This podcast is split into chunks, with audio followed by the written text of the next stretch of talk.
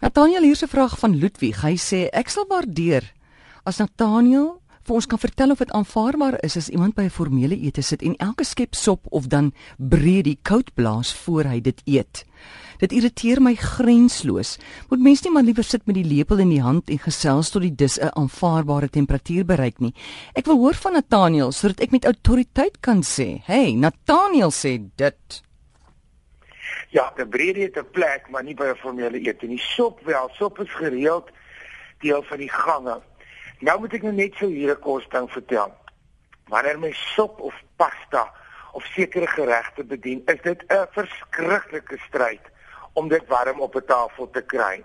Want tussen die opstep, skep en die bietjie garnering wat jy doen en dit op 'n skinkbord sit en dit by die tafel uitkry, verkoel dit verskriklik wanneer jy by 'n formele ete sit of in 'n restaurant en jou sop of jou breedie wat ewe is so verskriklik warm, dan moet jy weet daai ding is deur 'n microwave gesit. Ja. Dan stuur ek vir hom terug op daai oomblik. Ek vra in 'n restaurant baie mooi, ek wil graag hierdie sop hê. Hoe verhit julle die sop? Want 'n sop word nie gemaak wanneer jy iets bestel nie. Dit word ook nie gemaak wanneer die gaste afsit nie. Sop is soos 'n curry of 'n sekere goed word lank voor die tyd gemaak. En 'n goeie sop word heeltemal afgekoel en dan word hy tot op wat ons 'n prutspunt gebring. Net voor hy begin borreltjies maak en jy sal sien as jy sop koop in pakkies of in sakkies of in blikkies, staan daar altyd verhit en kastrolletjie moet nie kook nie.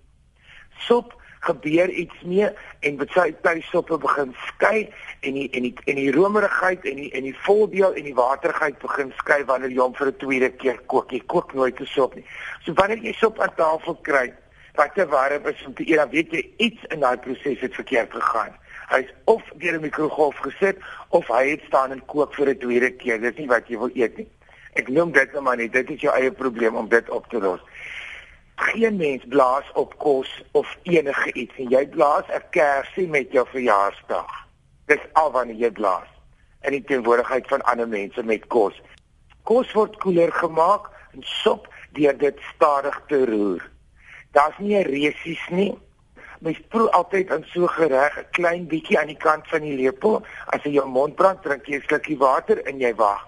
Of jy roer hom jou aan moet gestel. Dis nie 'n resies jy kry mense wat jy weet wanneer die tafel bedien word wat nie wag tot almal hulle kos het nie wat nie wag tot almal die ry het nie wat wegval dis hulle wat hulle mond verbrand ek verstaan dit nooit.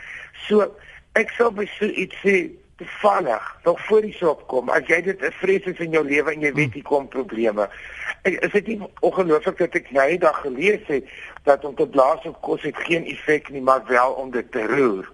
Dit is hoe jy kos aanvaarbaar in teenwoordigheid van iemand laat afkoel of eet stadiger of chat nog 'n bietjie met iets. Daar is sekere boeke wat sulke vinnige die 10 reëls van tafel van eet aan tafel en dit val altyd onder onder die top 10 die of as in Engels hulle sê die top 10 tips for etiquette at the table. So dit daar sekere goed soos jy sal nooit 'n kelder met 'n handgebaar nader uh, lok of wegwaai as jy vir iets wil bring, jy sê nee dankie. Jy sal nooit aan tafel oor geld praat byvoorbeeld nie. As daar probleme is met die rekening of jou kaart wil nie deurgaan of iets sal jy opstaan en dit by die toonbank of by die bestuur gaan uitsoek. Jy sal nie dit almal gespanne raak aan die tafel en dan die dat 'n aand of 'n ete in 'n gemors beëindig. Die 'n mens raak nie aan jou hare aan tafel nie. Hare is naby kos die mees onhigiëniese ding wat bestaan hare het olies en produkte en onsigbare stukkies vel en allerlei enige aklige ding is in hare. So mense het nooit as daar kos op die tafel is in hierdie hoe sien jy hierdie range herrangskik jou kapsel of gooi jou hare heen en weer jy bly daarvan weg. Mense sal nooit aan tafel beduie of praat met 'n uh, eetgerei, 'n mes of 'n vurk of 'n lepel in die hand. Jy sit dit neer. Mens knap nie garnering op aan tafel nie jy maak nie met jou tong jou tande skoon aan tafel nie en jy blaas nie op jou kos nie. Dis van die basiese basiese goed, maar ek ek begin altyd met 'n storie as ek hier wil weet en bly blameer my soos wat hy sê Nathaniel sê. Genoeg mense hou nie van my nie dat hulle dit nou maar net sê wat weet hy. Maar Ek sê altyd en ek ek daar's twee mense in my orkes wat ook so kom agter as hulle vir my skimpel gee. Dat jy ook het nou gelees, is ongelooflik hoe baie mense dit doen. Hmm. Byvoorbeeld ons het daar gepraat toe ek en my begeleiers ja dit presies ons ons was in Holland en toe was daar 'n artikel oor die nuutste waar mense kla vir al in gimnasiums op plekke is parfum, mense wat te veel spuit. Mm. Dis offensive. So ek weet of ek die oggend vir myself te rof gespuit het of wat nie, maar toe ek self so begin in die Rijksmuseum. Weet jy, ek het al hierdie dag gelees dat dit 'n mens veel parfum aan het.